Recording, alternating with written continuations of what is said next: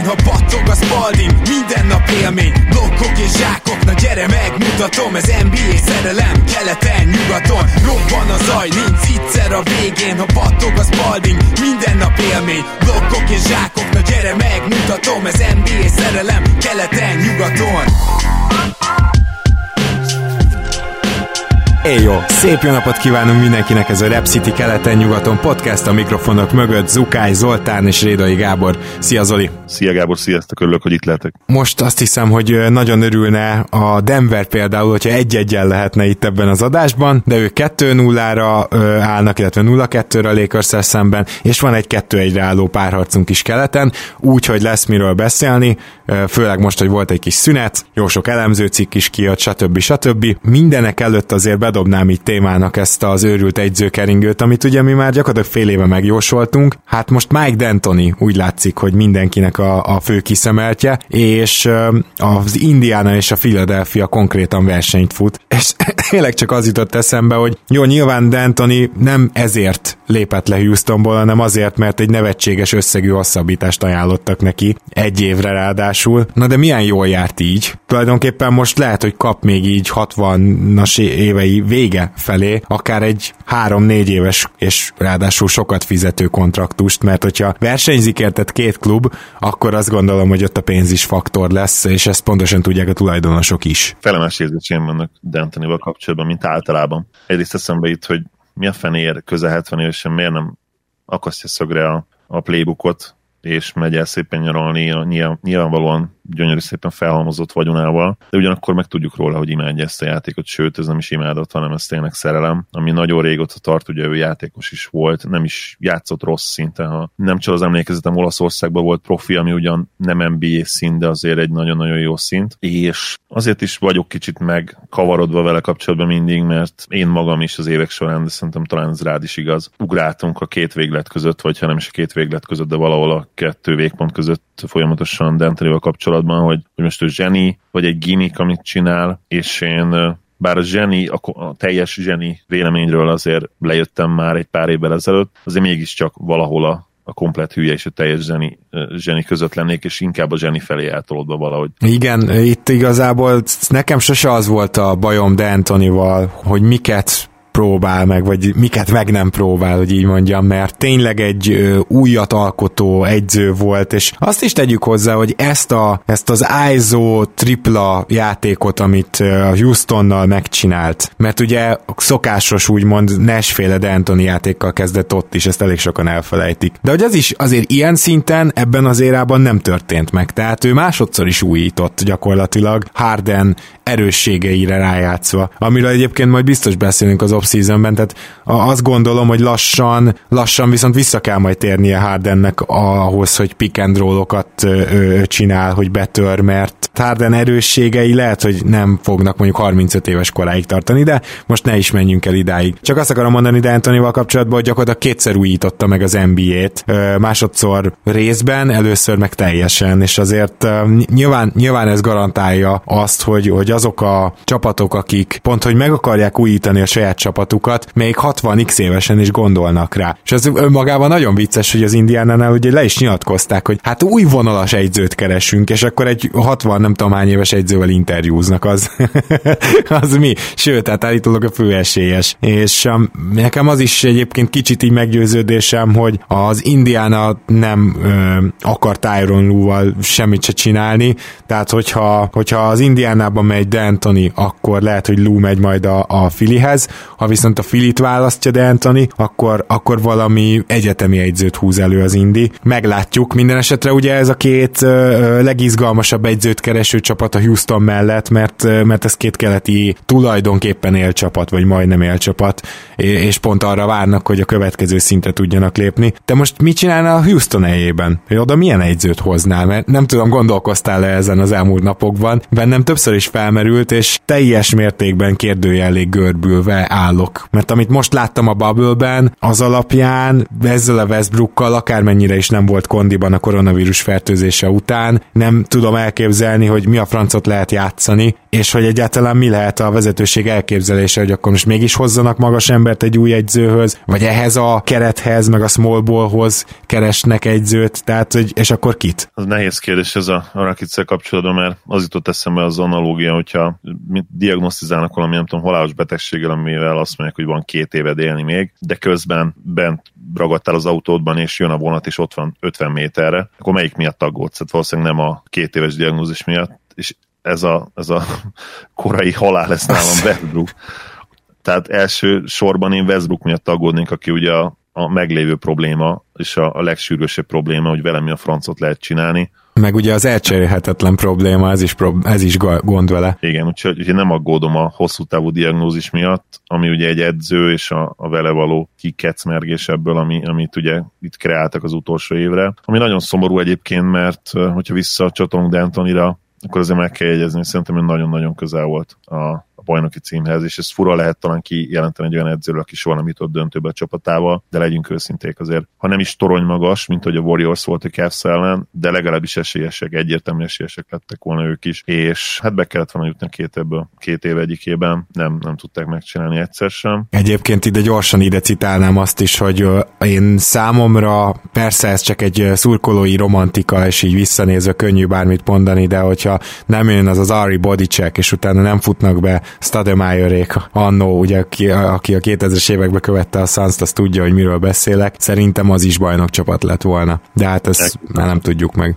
elképzelhető, és igen, sajnos soha nem tudjuk meg. Minden esetre az teljesen egyértelmű vált most a pletykákból, hogy ha sokan le is írták D'Antonit, még mindig nagyon sokan vannak, akik abszolút hisznek benne, és nagyon-nagyon jó szituációba tud majd eh, kerülni, hogy, hogy én azt gondolom, hogy az utolsó próbálkozásainak egyikét így megpróbálja ezekkel a csapatokkal. Azért ezt nehéz elképzelni, hogy ő 75 éves korában is edzősködni fog még. Igen, de hozzáteszem, hogy akkor már én a Filibe nézném meg, mert az, az lenne a nagyobb kihívás, Uh, nyilván egy... Nagy, nagyobb potenciális legyünk össze. Igen, igen, igen, de egy anti-D'Antoni, egy anti-Antoni csapat, vagy anti-D'Antoni csapat, hát hogy velük mit csinál?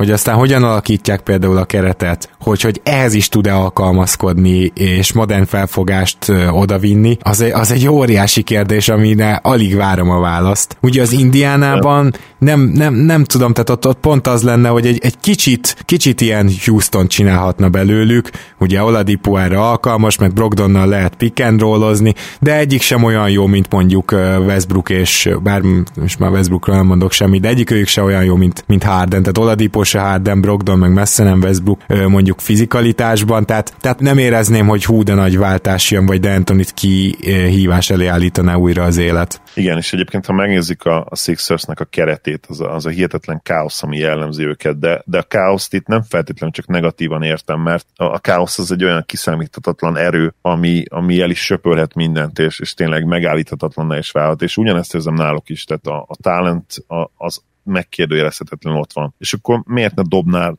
dobná rá erre az egész halomra egy Dentonit, tehát nem? Az olyan költői is lenne, hogy illene ez az egész szituációhoz, és hát legyünk őszinték azért még így is, hogy, hogy az alap kiinduló pontja lehet, hogy a Pacersnek stabilabb, magasabb szinten van, tök egyértelmű, hogy a sixers lehet bajnoki címet nyerni, vagy legalábbis inkább lehet velük, mint, mint a pacers jelen pillanatban. Igen. Azt valahogy tényleg csak akkor tudná elképzelni az ember, hogyha Oladipo a régi-régi szintre vissza tudna kerülni, ami nem játszott már három éve gyakorlatilag, és, és hát folyamatosan sérülésekkel bajlódik. Nagyon nehéz elképzelni. Akkor sokkal inkább látom már azt magam előtt, hogy, hogy D'Antoni odaadja Simons kezébe a labdát, vagy esetleg még akár az ő keze alatt elkezd triplázni Simons, hogy milyen sikerrel ezt hagyjuk, de, de legalábbis kihoz belőle egy brutálisan jó támadó csapatot, amelyik lehet, hogy nem lesz top 3-as védőcsapat. Idén mondjuk nem voltak ott statisztikailag, de potenciálban nyilvánvalóan, de, de még megmarad mindig egy top 10-esnek, és, és szerintem bele komolyabb esély lehetne playoff sikerekre, mint mondjuk egy nem tudom, egy tradicionálisabb edzővel. Teljesen adom, és mivel nem beszéltünk egy hete, legalábbis itt a, a, a nézők előtt az éterben, ezért meg kell, hogy kérdezem tőled, hogy volt-e akár az NBA first, second, third teambe, de legalábbis az All NBA csapatokba, vagy az All Defensive csapatokba, esetleg az All Rookie csapatokba valami, ami, ami nagyon kiverte nálad a biztosítékot, vagy, vagy, úgy, vagy úgy ilyenkor már csak legyint az ember, hogy miért ilyen későn osztják ki ezeket a díjakat.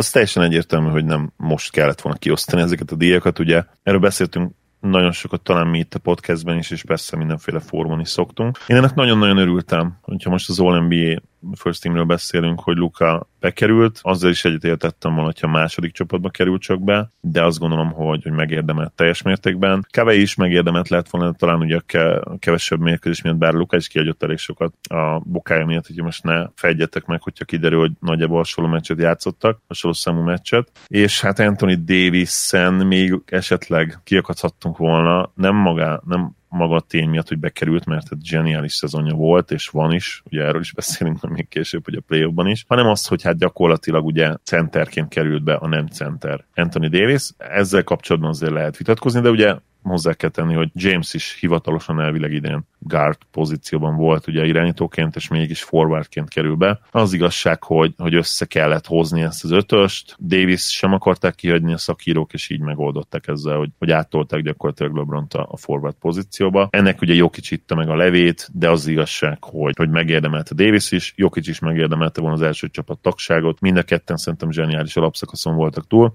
Talán Jokic kezdése nem volt annyira erős, és ezért... ezért e, igen, amúgy, amúgy szerintem is körülbelül ez volt mögötte. Egyébként én nekem nagy bajom nincs ezzel a három csapattal. Ben Simmons szerintem kicsit azért is került be, mert szerintem mindenki tudta, hogy most Embiid nem kerül be, és kellett valaki a filiből, szóval tehát nyilván mondjuk, mondjuk Ben Simmons, de hát Booker tudnám egyedül reálisan berakni a helyére, ő is hagyott ki meccseket. Itt sokan számon például nem is tudom, hogy ki talán Lillard számon kérte, hogy miért nincs Bradley Bill meg Trey Young benne ebbe a, a, a, az NBA harmadik csapatba. Én teljesen egyetértek vele, hogy, hogy, hogy nincsenek benne. Még, még, még sokkal inkább Kyle Lowry-t előbb idehoznám, annak ellenére, hogy nem 30 pontot átlagol. Talán, mert... talán Siakam helyével lehet vitatkozni, de ugye azért ő nagyon-nagyon jó alapszakasz futott. Lehet, hogy itt is az beszél belőlem, hogy, hogy a play sajnos leszerepelt, de egyébként az alapszakasz alapján igen, korrekt. Meg, meg, lehet, meg lehet magyarázni a második csapattagságot, és hát a harmadikban mindenképpen benne kellett volna lenni a legrosszabb esetben. Egyébként rendben van, tehát az All-NBA az szerintem abszolút rendben van. Ami picit nekem kérdőjeles volt, az az, az All Defense. Csak Ó, ne is mond. Ott viszont azért bele tudom kötni a dologba, én azt gondolom. Kezdjük azért az elefánttal a porcelánboltban, aki Patrick Beverly, aki teljes mértékben a hírnevére kapott egy, egy díjat. Szerintem a keveset játszó extra védők közül Chris Dunn jobb védő nála is jobban megérdemelne bármit, például Drew Holiday, Kyle Lowry, mind bőven bőven előbb kellett volna, hogy bekerüljenek. Ezek a játékosok éppen hogy lemaradtak, ugye? De, de megmagyarázhatatlan Beverly-nek a védekezése is egyébként visszaesett már mondjuk a két évvel ezelőttihez képest túlértékelt védő is rengeteget faltolt, tehát már ezért sem tud egyáltalán a pályán maradni. Én itt, itt rögtön úgy, úgy leakadtam, hogy mondtam magamba, hogy, hogy ez, ez, egy, ez egy hírnévre kapott, egy reputációra kapott defenzív team tagság. Nem kérdés, és én ugyanezt elmondanám Erik Bledsoe kapcsolatban is, nem teljesen hasonló mértékig. De... Igen, azért, azért ő, ő, őt valaha ennyire meg lehet védeni. Valamennyire meg abszolút. Nyilván, ha csak abból indulunk ki, hogy, hogy több embert ki kellett választani abból a védőcsapatból, amelyikről nagyon sokszor elmondtuk, hogy nem csak idén ők voltak statisztikai, statisztikailag a legjobbak, hanem all-time értelemben is elég magas helyeken végeztek volna mindenféle statisztikai össze hasonlításban, főleg az advanced statok terén nyilván azért talán az egy picit erős, hogy három játékos lett kiválasztva ugye ebből a csapatból. Nyilván Jannis első csapatos tagságát senki sem vitatja, de, de az tényleg azért erős, hogy Brook lopez is kiválasztották a második csapatba, és Eric Bledsoe-t is. Ezzel semmiképp nem értek egyet. Szerintem az ő bármelyikük helyén lett volna egy olyan játékos, aki jobban megérdemel. Nyilván Bledsoe helyén az általad is említett Dan, vagy Lauri akár, vagy, vagy Holiday.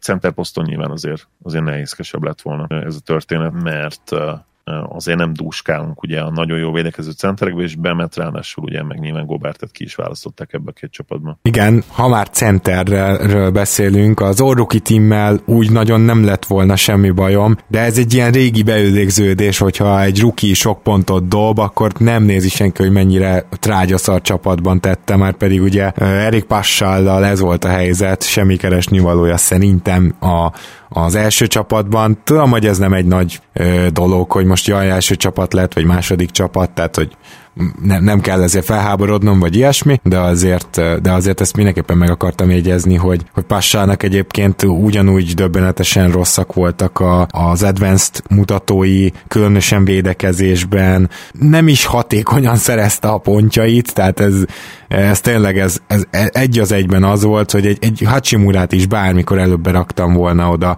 egy, most ha, ha már ragaszkodunk ahhoz, hogy magas embert keresünk, vagy egy Igen. PJ Washington. Tehát, hogy itt az a probléma, hogy az Oruki teamben semmi értelme az egytől ötig, de még a két guard, két forward, egy center beosztásnak sem, és ráadásul Brandon Clark simán elvihette volna a center posztot, mert a ideje felét ott töltötte. Igen, és én még ezt valószínűleg meg is cseréltem volna, ugye Kendrick Nunn csapattársával, Tyler hero de mondjuk ez már tényleg részletkérdés, és itt azért, azért is tudjuk ezt valószínűleg könnyebben elengedni majd, mert ez az Oruki csapat azért általában nem érdekes senkit, magukat a játékosokat sem. Tehát nyilván, ha megkérdeznéd mondjuk Tyler hero akkor azt mondaná, hogy nem annyira lényeges, mert én all akarok lenni, meg Star tök lényegtelen, hogy a legelső szezonban most első vagy második csapatba választottak ki. Lehet, hogy aznap még idegesíti, de utána ők is hamar szerintem el tudják engedni ezt a dolgot. Abszolút adom. Na akkor, ha már Tyler hero megemlítettük, meg a Miami Heat-et, nézzük rá a keleti konferencia döntőre, ami kettő egyre áll, és a Miami, hát ugye mondtam talán másfél hete ezt a Miami egyzőtáboros elméletemet, hogy ugye ők gyakorlatilag kiképzőtábort csinálnak, hogy, hogy sokkal jobb kondícióban vannak, és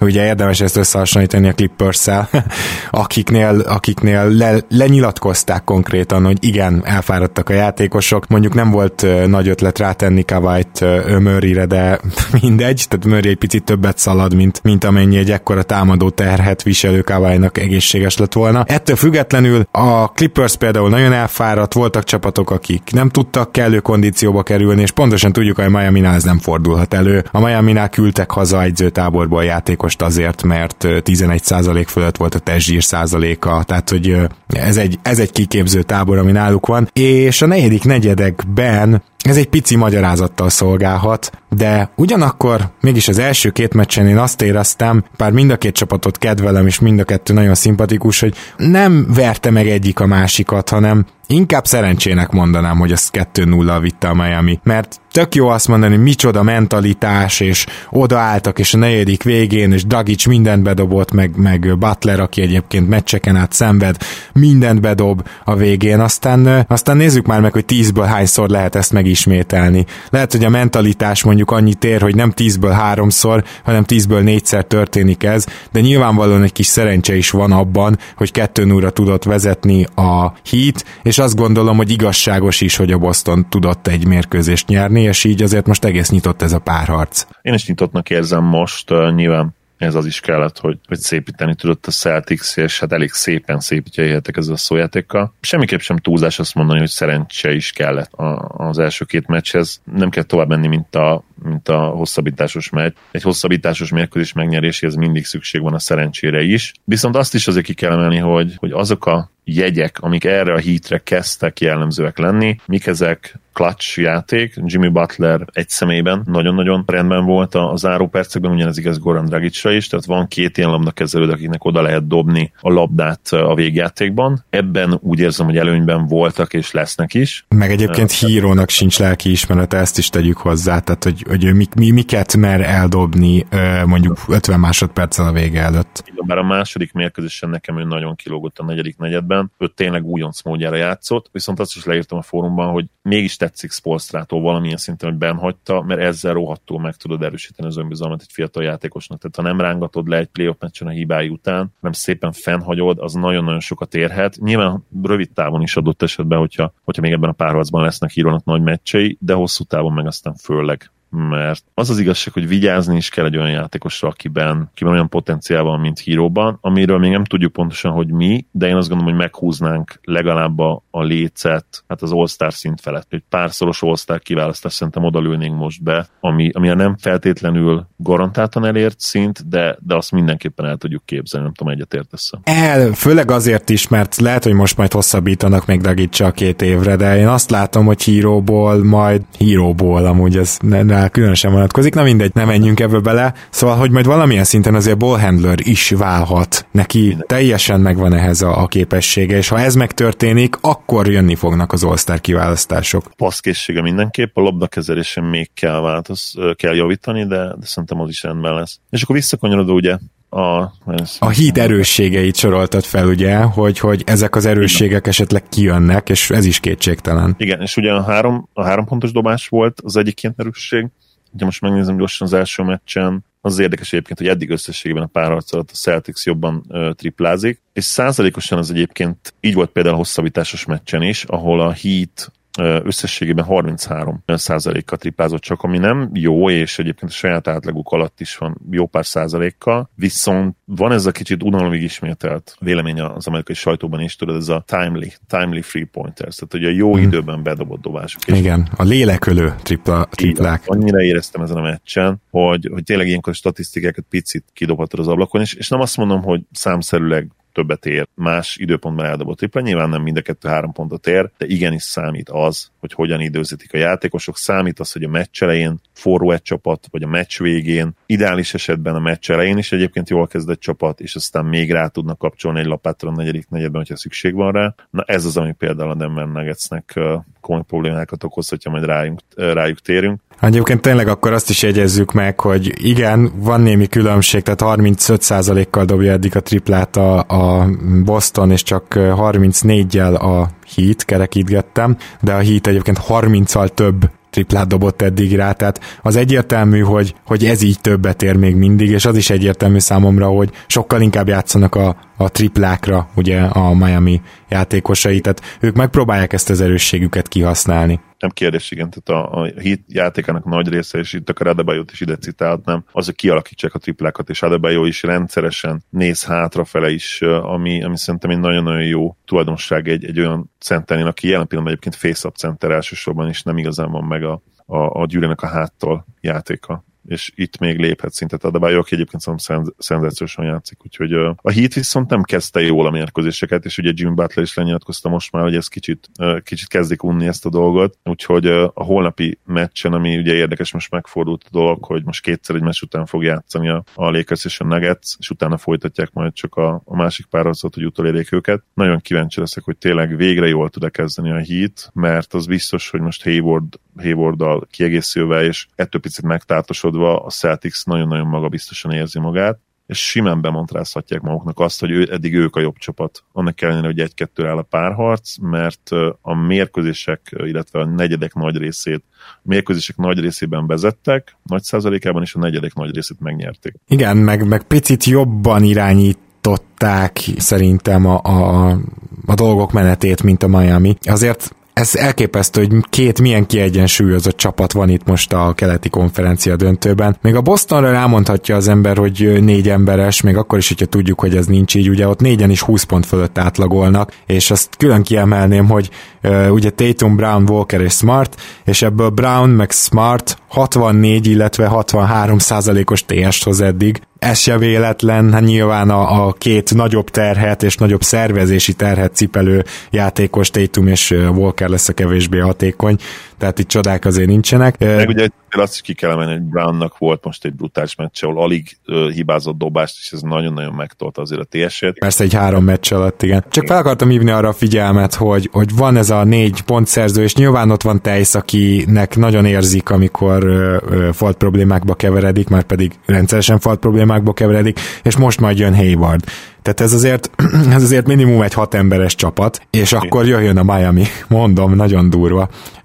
Adebayo átlagol 22 pontot, Dragic 21 hetet, Butler 17-et, Hero 15-öt, Duncan Robinson 12-3-at, és akit kiadtam, az Jay Crowder, aki 14 hetet. Hat játékos átlagol legalább 12 pontot, és egy se átlagol 22-nél többet. Ennyire kiegyensúlyozott csapatot utoljára vajon mikor láttunk ö, konferencia döntőzni? Szerintem nem tudom, soha, vagy nyilván az erős túlzás, de, de lehet, hogy soha egyébként. Lehet, hogy soha. Vagy várját, talán a tavalyi Raptors kéne megnézni, de szerintem ott is már, már az, az maximum négy, négy ember szerezte ott már a pontok. Igen, meg ugye ott azért egyértelmű első, op, első és második számú opció ki volt, ki volt rajzolódva. Talán a második számú nem, de az első számú egyértelműen, és ugye ezért is lenne nehéz ilyen csapatot találni visszamenőleg is, mert, mert általában minimum az, hogy az első szem opció megvan, az szinte mindig adott, de sokszor ugye egy A és egy mellett az egy B, egy per A, egy per B, úgyhogy nagyon-nagyon ritka ez, és egyébként, hogyha én hű maradnék saját magamhoz, akkor azt mondanám, hogy pont emiatt nincs esélye se a Heatnek, se a Celticsnek nyerni idén, de idén szerintem minden ilyen véleményt ki kell dobni a kukába, vagy legalábbis jegelni kell, mert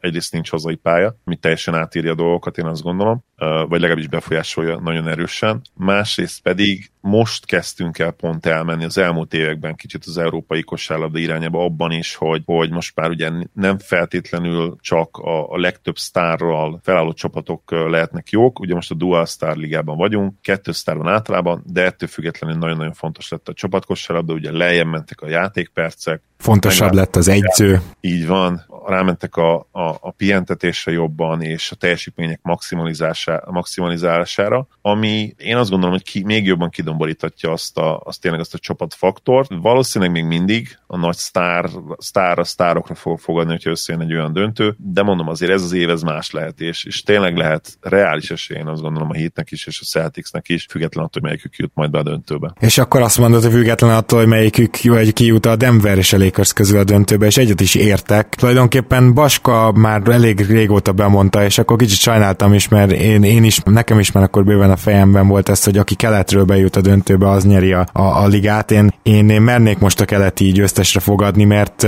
nem ez egyszerűséggel azért, mert látod a két meccset, és egy magasabb a színvonal a, a Heat Bostonokon, mint, a, mint eddig legalábbis a Lakers és a Denver összecsapásain, de hát aztán vagy sose fogadj LeBron ellen, vagy pedig a Denver mindent megfordít, és sosem adja fel, és, és majd, majd 0-3-ról a döntőben. Nem tudom.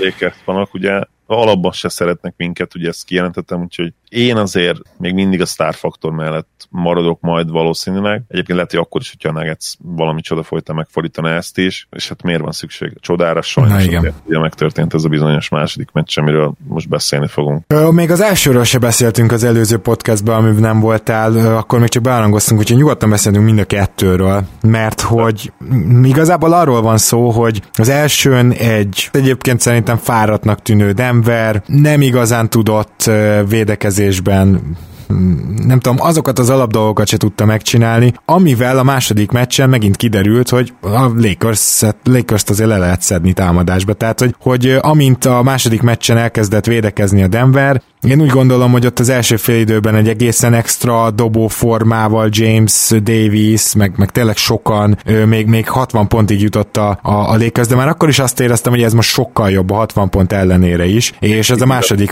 fél időben ki is jött. Ilyen két bedobott jó pár brutális triplet, le a kalappal előtte, én ugye őt ha nem is tartottam, de reméltem az egyik gyenge láncszemnek, aki nem tud majd annyira jól triplázni, mert bár a szezon során egyébként megmutatta, hogy ő be tudja dobálni ezeket, nem gondoltam volna azt, hogy konzisztensen a play is beveri, és most nem nézem meg a statokat, de jól emlékszem, a Blazers ellen sem feltétlenül volt annyira jó ebben, illetve, illetve a második körben sem a Rakic ellen, de nyugodtan javítsatok ki, hogyha tévedek. Minden esetre ő szenzációs volt ezen a meccsen, tehát a kettő olyan triplet is bedobott, ami, ami kifejezetten bravúr kosár volt, és amit még mondani akartam mindenféleképpen, hogy, hogy igen, tehát hogy a, hogy a védekezéssel Lakersnek. Ez, ez az a nagyon nagy ütőkártyájuk, ami megvan, mert ha nem is mindig tökéletes, és nem lehet rájuk sózni azt, hogy ez egy all-time great védekező csapat, de, de legalábbis a mai szinten, a mai szabályok, a mai keretek között elit, és, és ezt stabilan hozzák. És ez nagyon nagy előny, mert ezt rajtuk kívül szerintem csak keleti csapat tudja. A Clippersre sem volt igaz, akinek egyébként Így van. a bőven meg lett volna az esélye erre. Ők sem tudták, és ez azért még a mai play is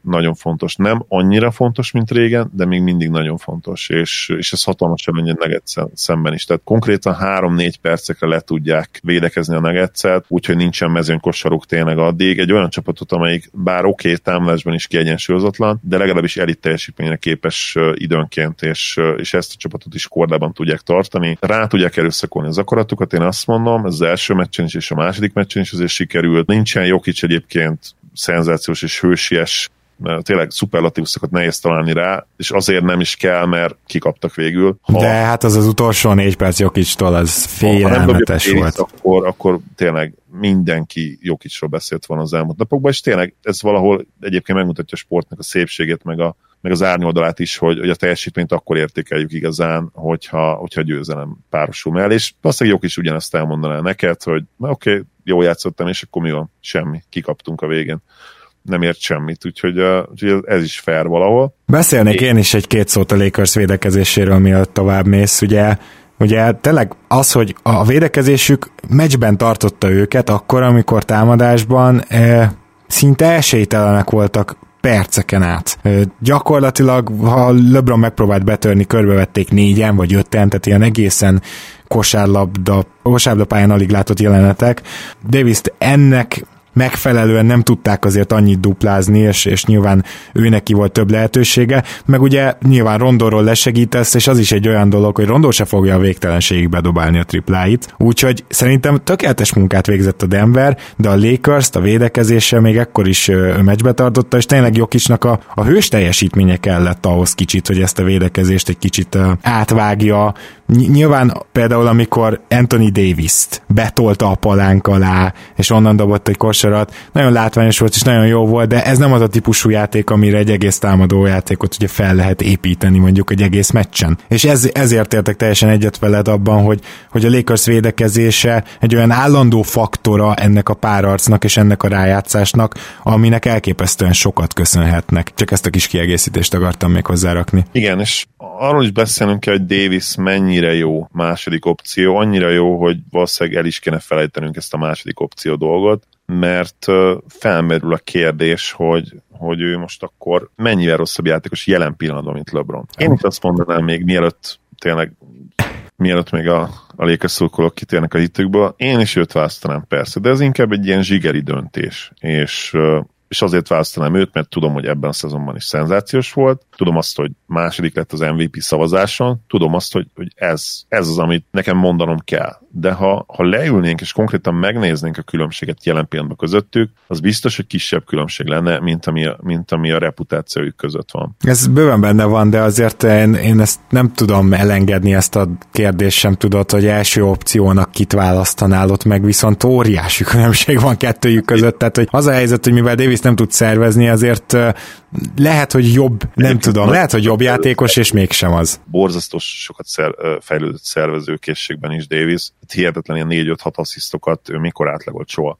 Jó, jó, ez teljesen rendben van, de hát nyilvánvalóan Én... nincsen LeBron közelébe se. Igen, persze, persze. Úgyhogy uh, minden esetre azt el tudom képzelni abszolút, hogy bejut a, bejut a döntőbe a Lakers, és mondjuk ott megnyerik, akkor Davis nyújtson olyan teljesítményt, hogy akár ő megkapassa a Finals MVP-t. Nem lenne egyszerű, de nem tartom elképzelhetetlennek. Kicsit nyilván előre szaladtunk. Igen, nézzük már meg, hogy mi kell szerinted a Denvernek ahhoz, hogy visszajöjjön ebbe a párharcba, mert szerintem azért ez egy izgalmas kérdés, és nyilván a második meccs alapján azért, azért joggal reménykedhetnek a Denver drukkerek, hogy itt nem söprik ki őket. Talán igen, ugyanakkor meg a söprés nagyon ritkán néz ki úgy, hogy minden négy meccset dominál egy csapat, és simán kisöplik. A söprés az általában így szokott összejönni, hogy, hogy valamelyik csapat bal szerencsés is, és azt az egy-két meccset is elveszíti, amit egyébként megnyerhetett volna. Hogy engem, ha csak sport lélektani szempontból nézzük ezt a párarcot, engem minden nem lepne meg a söprés, mert gyakorlatilag a Nuggets is tudja, hogy ezt a meccset meg kellett volna nyerniük, és ott volt gyakorlatilag a kezükben, és, és onnan tépte ki Anthony Davis ezzel az elképesztő dobással. Hogy mi kell tőlük, jobb kezdés, tehát ami igaz a hitre, az rájuk is igaz volt mind a két mérkőzésen, mind a kettő meccsen borzasztóan kezdtek, plusz 14-15 pontos hátrányokban voltak mind a, mind a két meccs első fél idejében. E, először is kell az, hogy megnyerjék az első fél időt, szerintem ma éjjel. Nyilván kell az, hogy Jokic folytat, folytassa az egyébként zseniális játékát, és valamelyik kiegészítő embernek még a, a Grant, Harris, Craig hármas közül, vagy összesen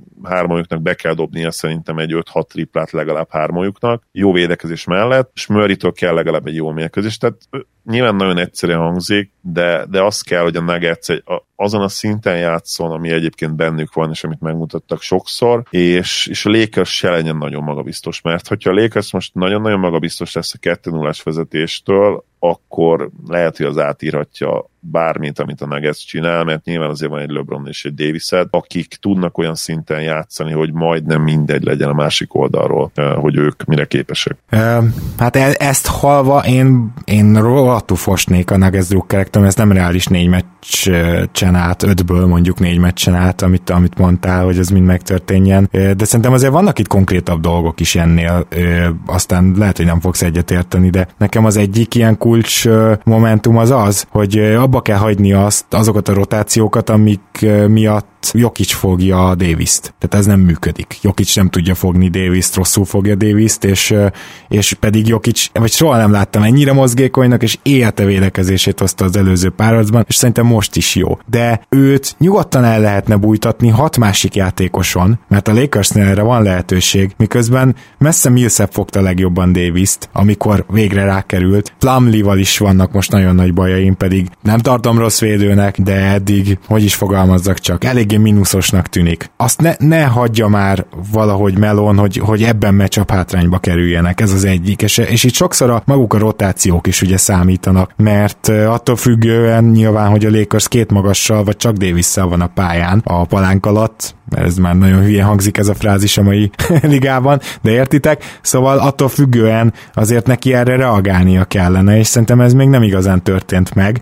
Ugye Nate Duncan mondta pont azt a legutóbbi podcastjükben, hogy ha ezeket kivettük volna, vagy ezeket megcseréltük volna, akkor a Nuggetsnek ez egy sima győzelem lett volna a második meccs, mert, mert, mert davis ennél lehet jobban lassítani szerinte, és szerintem is. És akkor a másik, ami ilyen konkrétum, az az, hogy támadásban egyszerűen sokkal többet kellene erőltetni, tudom, hogy ez nagyon fárasztó, de a Jokic posztapokat egyáltalán nem tud senki mit kezdeni vele jelen pillanatban, és ez nem egész meccses terv, ahogy ezt már korábban is elmondtam, de ennél, ennél szerintem jobban lehetne használni, mert ő ugye onnan is baromi jól tud passzolni. Láttunk rá példát, de ami működik, ami meccsap előny, azt jobban ki kéne használni a Denvernek, és úgy, értem, úgy érzem, hogy se támadásban, se védekezésben nem történik meg ez. Még akkor is, hogyha kiváló egyéni teljesítményeket látunk a Denvertől mind a két oldalon. Az a baj, hogy szerintem Melon azért sem erőlteti ezt, mert az elmegy attól, amiben egyébként ők jók, ami a csapat kosárlabda. Tehát ha, ha ennyire masszívan, és most főleg támadásról beszélek, elkezded erőltetni a, a van-on-van meccsapokat, akkor nem fog járni a labda. És amikor a Nuggetsnél nem jár a labda,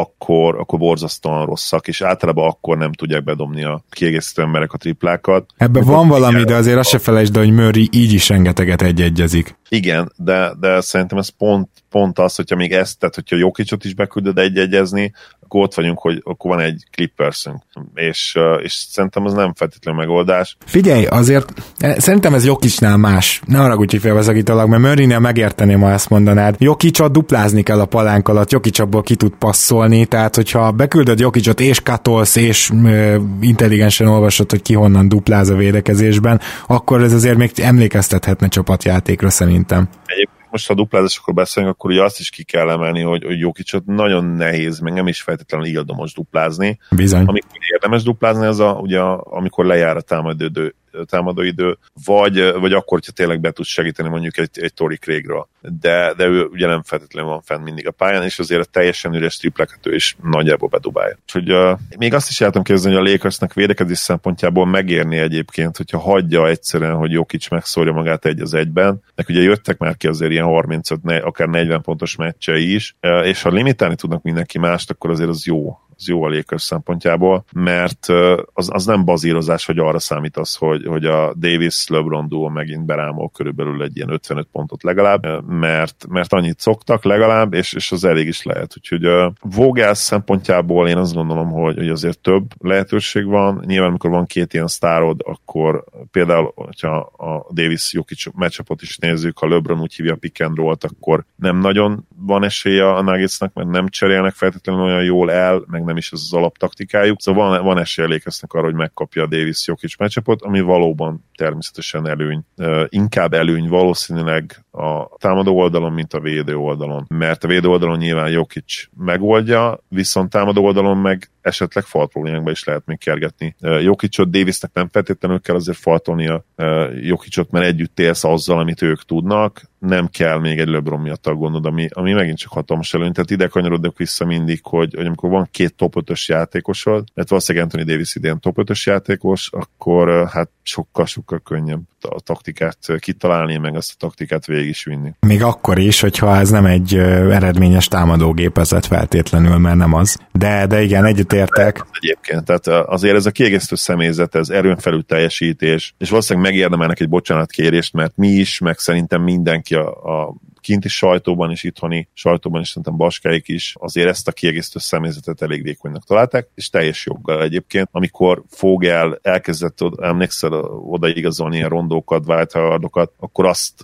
mondtuk rájuk, hogy hát LeBron biztos megmondta, hogy kit vigyen oda, és hát még ő se tud csapatot szervezni. Ehhez képest mindenki rohadt jól játszik a saját jelenlegi verziójához képest, de én ezt meg megint oda is, is vezetem vissza, hogy amikor van két ilyen szupersztárod, akkor az arra is kihat, hogy az egyébként már pályafutásuk csúcsán túllévő, de egykoron nagyon jó kiegészítő embereket közelebb hozza ahhoz a régi szinthez, mert, mert ilyenkor igenis ők nem nulláról indulnak, mint ha mondjuk egy átlagos csapatban lennének. Ráadásul Ott... több helyük is lesz a pályán, üresebb dobásaik. Így van, és talán ezt, ha valamit, akkor ezt alul értékeltünk, ezt a faktort, hogy ha van két top 5 játékosod, akkor mennyivel könnyebb az élet mellettük én mondjuk nem biztos, hogy alulértékeltem, mert ahogy ezt így mondom, én ezt mindig kihangsúlyozom, csak lehet, hogy, hogy ez, ez a garnitúr, ez tényleg annyira gyengének hangzott papíron, meg annyira rossz fitnek, hogy talán én is felszálltam arra vonatra, meg nem emlékszem már, mennyire elkésztem a Lakers cserepadját, meg keretét az évelején. Hát de... Egy kicsit évelején elkésztük, igen, meg ugye azt mondtuk, hogy nem biztos, hogy ez erős alapszakasz csapat lett, ez, ez szerintem a, a nagy tévedés, igen. mert ugye, mert ugye ki gondolta volna, hogy ilyen egészségesen végigmennek. Mm, nem, nem erre gondolt játszottunk főleg LeBronnal, de hát LeBron ellen sose fogadj. Úgy utolsó gondolatként még azt szeretném bedobni, hogy mit csinálhatna a Lakers, ide is felírtam egy dolgot, ami szerintem amikor ezt meg tudják csinálni, az a, az a meccs kb. eldőlt, és ez pedig az, hogy rohanjanak többet. Tehát mi, mi, minden lerohanásnál úgy érzem, hogy, hogy hogy a Lakersnek könnyebb dolga van, igazából a transition védekezés alapból nem a Denver e, e, erőssége, Millsap, Jokic nem annyira érnek már vissza, főleg egy Davis-szel, tehát hogyha tud rohanni a Lakers, amit eddig nem igazán tesz meg egyébként, ezt gyorsan hozzátenném, tehát messze nem eléggé, akkor, akkor biztos, hogy előnybe kerül, úgyhogy ha a Lakersnek is kell még valamit, amúgy 2-0 kényelmesen állnak, miért változtatnának, de ha még valamit változtatnék a helyükben, akkor az az, hogy még gyorsabb játék kell. Egyetértek a, a Nuggets nem az a rohanós csapat, nehezen is érnek vissza, hogy a támadásban is lassan játszanak, és, és mondom, nehezen is érnek vissza. Egyébként meg is lehetne fordítani, és azt mondanám, hogy lehet, hogy a Nuggetsnek is egy kicsit többet kéne futni, megpróbálni könnyű kosarakat elérni, mert felállt védelem ellen borzasztóan szenvednek. Arról ugye beszéltünk, hogy mennyire brutálisan erős ez a, ez a Lakers védekezés, hogyha van idejük felállni és úgy fogadni az ellenfelet. Na, én azt hiszem át is beszéltük ezt a két párharcot. Vagy pénteken jelentkezünk, de hogyha addig nem akarnak eldőlni a párharcok, akkor nyilván csak hétfőn, aztán az is lehet, hogy az egyik eldől, akkor arról beszélünk külön, nyilván itt már már, már nagyon kiemelten kezeljük a, a mostani mérkőzéseket a konferencia döntőkben, úgyhogy maximum egy hét, és, és jövünk vissza. Izoli, köszönöm szépen, hogy itt volt, és remélem, hogy a kis szabadság jól telt. Örülök, hogy itt lettem.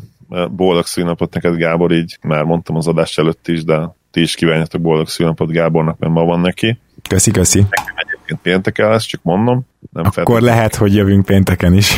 Az is lehet, igen. És természetesen nem is én lehetnék, hogyha nem felejtettem volna el amit még akartam mondani, úgyhogy örülök, hogy itt lettem. Szia Gábor, sziasztok! Kedves hallgatók, eh, minden jót kívánunk nektek, és meg szeretnénk köszönni azt is, hogy ilyen sokan támogattok a Patreonon, ott megtaláltok minket, hogyha akár havi egy dollárral szeretnétek hozzájárulni a műsorhoz, illetve megtaláltok Facebookon is, ahol már átléptük a 2000-et, úgyhogy ott is meg valamit kitalálunk. Szóval nagy királyok vagytok, és köszi, hogy velünk tartotok. Sziasztok!